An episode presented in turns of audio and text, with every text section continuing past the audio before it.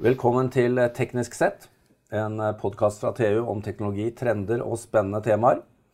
Vi er to uh, sivilingeniører i TU som gjerne vil dele noen spennende diskusjoner med dere.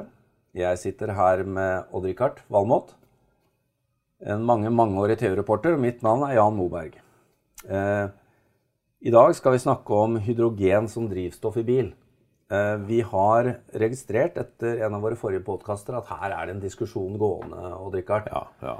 Det er de som sier at nei, hydrogen er ikke noe, det er batteri. Og um, dette er jo litt sannhet med modifikasjoner.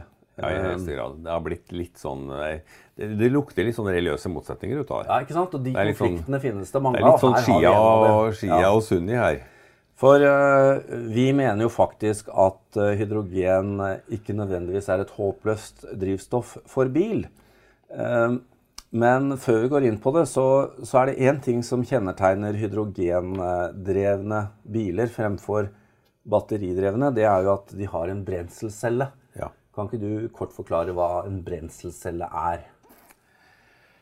Altså en, du kan se på en brenselcelle som et batteri med kontinuerlig tilførsel av øh, drivstoff. Altså, en brenselcelle drives av hydrogen, og, og så oksiderer de oksygen. Eh, og, det også, og, og det elektronet som da blir, blir igjen, det er elektrisiteten. Det er veldig grovt øh, forklart. Du trenger noen katalysatorer, keramer, en del sånt. Men øh, brenselceller er, øh, er De kan drives av hydrogen, de kan også drives av naturgass. Men da skjer det noe som heter en indre reformering. Så det er deep down inni brenncella så er det hydrogen som vandrer. Eller det er oksygenet som vandrer, og så er det hydrogen på den andre sida. Det er en relativt enkel prosess. Og det som er veldig viktig da å forstå, det er at eh, du har en hydrogentank og en brenselcelle. De to komponentene erstatter egentlig batteripakka i en elbil. Ja, det, slik var det. Eh, I dag så er alle sånne moderne hydrogenbiler hybrider. De har også et batteri. For brenselcella er, er litt sånn spesiell. Jo hardere, hardere du kjører den, jo mer. Ja, du må ha en Ja, buffer. Jo hardere du kjører den, jo mindre virkningsgrad får den. Så når den nærmer seg 100% så har den dårlig virkningsgrad. Derfor er du interessert i å ha jevn, eh, lav belastning på den. Og da bruker du et batteri. Og batteri, dessuten så trenger du et batteri til å ta, ta opp bremse, bremseenergi. ikke sant? Litt av de fordelene som elbilen har. Så en hydrogenbil er alltid en, en hybrid i dag. Og det er jo spennende dette, fordi at uh, nå kom det jo nettopp ut en nyhet om at uh, Toyota har et par Mirai-biler som kommer til landet i disse dager. Ja. For uh, nettopp å teste ut både norske forhold og teste ut hvordan eh, disse stasjonene for hydrogenfylling virker. Og mange av de store bilprodusentene har jo programmet på gang for å lage eh, neste generasjons biler med hydrogen som drivstoff. Ja, for vi må erkjenne at det er, det er nok en del større interesse for hydrogen i andre land enn det er i Norge.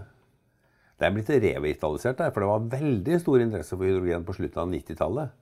Når man liksom skulle gjøre bilen grønn for første gang. Og så var det en del eh, tekniske vanskeligheter. Mercedes sa jo bl.a. at i 2003 var det vel, så skal vi ha stor produksjon av hydrogendrevne biler. Det ble aldri noe av. Men nå har de plukka opp igjen ballen. Nå har de plukka opp igjen banen, sammen med mange andre.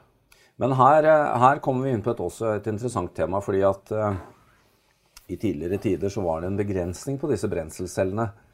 Uh, man så for seg at det kom til å stoppe opp fordi man, man trengte et svært edelt metall for å få denne prosessen Pla, til å gå. platina, ja. Platina. ja. Som katalysator. Ja, og det var jo snakk om noen hundre gram i de første versjonene. Ja.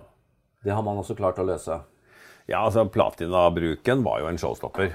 Det er ingen tvil om. Og så har man etter hvert kommet over eh, mindre og mindre platina, og nå, er vel eh, nesten uten platina. De bruker kobolt og andre katalysatorer. Så at prisen har gått ned kraftig. og Virkningsgraden har gått litt opp. Og så er det jo spørsmål om volum, da. Ja. Er, eh, de er fremdeles ganske dyre i dag, men det skyldes jo primært at de har så Altså, de produserer så lite av det. Men jo, den prisen har jo Toyota sagt den skal vi mer enn halvere når vi når opp til en halv million biler i året.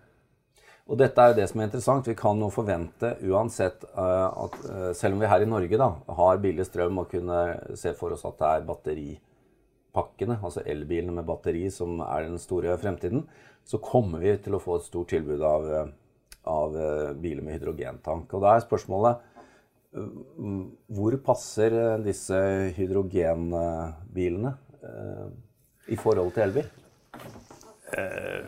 Altså I Norge, hvor vi har hvor nesten all strømmen er fornybar, altså fra vannkraft, så vil, så vil alltid batteribilen være en bedre måte å utnytte strømmen på.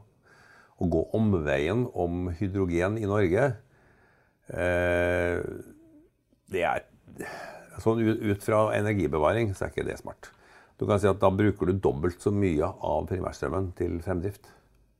Ja, Men- for du først skal lage hydrogen, og så skal Ja, du bruke for at du først må du lage hydrogen i en, i en uh, elektrolysør. Og så skal kraften overføres, og så skal den komprimeres, og så skal den inn i en tank, og så skal den eh, inn i brenselcelle, og så blir det strøm. Og den prosessen der, det er en ganske stor omvei.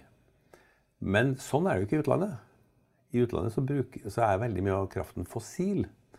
Så hvis utgangspunktet er, eh, er naturgass, f.eks., så er det omtrent samme virkningsgraden på elbilen og hydrogenbilen. Og det er her vi må forstå hvorfor disse store bilprodusentene er, eh, Ja. er, er på gang. Ja. Men det er jo også, for meg som bruker, da, så er det noen fordeler med hydrogen. Det tar tre-fire minutter å fylle tanken. Ja, ja, ja. Jeg slipper å sitte og vente på å skal fullade et batteri. ja. Jeg trenger ikke ha rekkeviddeangst. Nei. Eh, antagelig så passer dette for større biler med henger, større kjøretøy.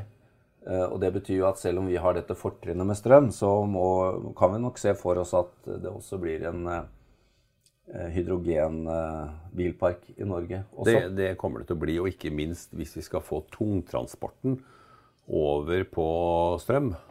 Da er det er vanskelig å se for seg med batterier. Ja, så der, der er nok hydrogen Selv busser vil ha, vil ha, ha det tøft med norsk topografi og sånn. Så når Oslo nå skal elektrifisere bussflåten, så snakker man om batterier, men med såkalt klattlading. Du lader på flere stasjoner underveis. Men Odd-Rikard, eh, dette er eh, veldig spennende. Eh, det kommer fyllestasjoner i Norge, det har vi jo skjønt. Det kommer eh, bilpark, eh, så dette blir jo spennende å følge med på. Men det er jo et spesielt tema vi er nødt til å avslutte med her, og det er jo, det er jo denne situasjonen vi har fått, som du vel har omtalt også i Finnmark. Hvor, Ja. hvor, som jo er veldig et veldig bra sted på fastlandet å sette opp eh, eh, vind, Vindparker, ja. vindgeneratorer. ja. eh, som igjen kan brukes til å produsere hydrogen. Absolutt. For det, er veldig vanskelig å få kraft fra Finnmark til Sør-Norge på en fornuftig måte. Det blir, både, det blir både for langt og for dyrt å overføre store kraftmengder. Så en måte der er rett og slett å lage hydrogen, komprimere det og sende det med svære skip.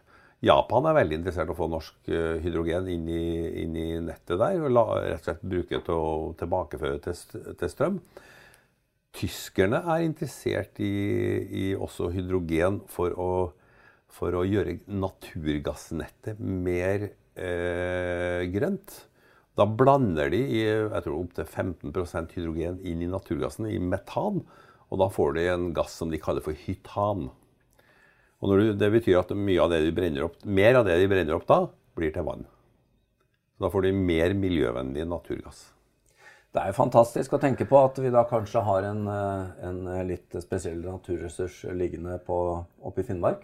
Ja. Som både tyskerne og japanerne er interessert i, men som vi kanskje ikke trenger selv. Ja.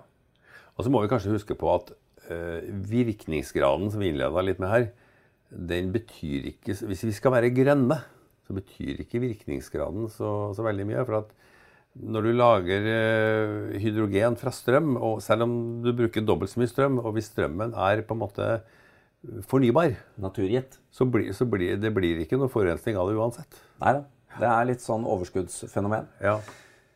Med det så eh, setter vi eh, foreløpig eh, stopp med hydrogen. Det er bare et, kjapp på, på, slutten her. Det var snakk om dette med kulde og Norge. Vi var jo i Finnmark på slutten her nå. Eh, hydrogendrevne biler vil kanskje ha et fortrinn i forhold til batteridrevne biler ja. i kulde. Ja. Det kan det, være verdt å ta med seg. Det er nok et lite poeng i Norge, ja. ja. Når du er langt nord og det blir fryktelig kaldt. Så kommer du lenger med en hydrogenbil. Det gjør, det gjør du i utgangspunktet også. Ja. Men nå skal vi også legge, legge, til at gitt batteriutvikling i ti år, da, så kommer batteriene til å gå mye lenger. Altså. Vi, vi, ser jo mot en dobling.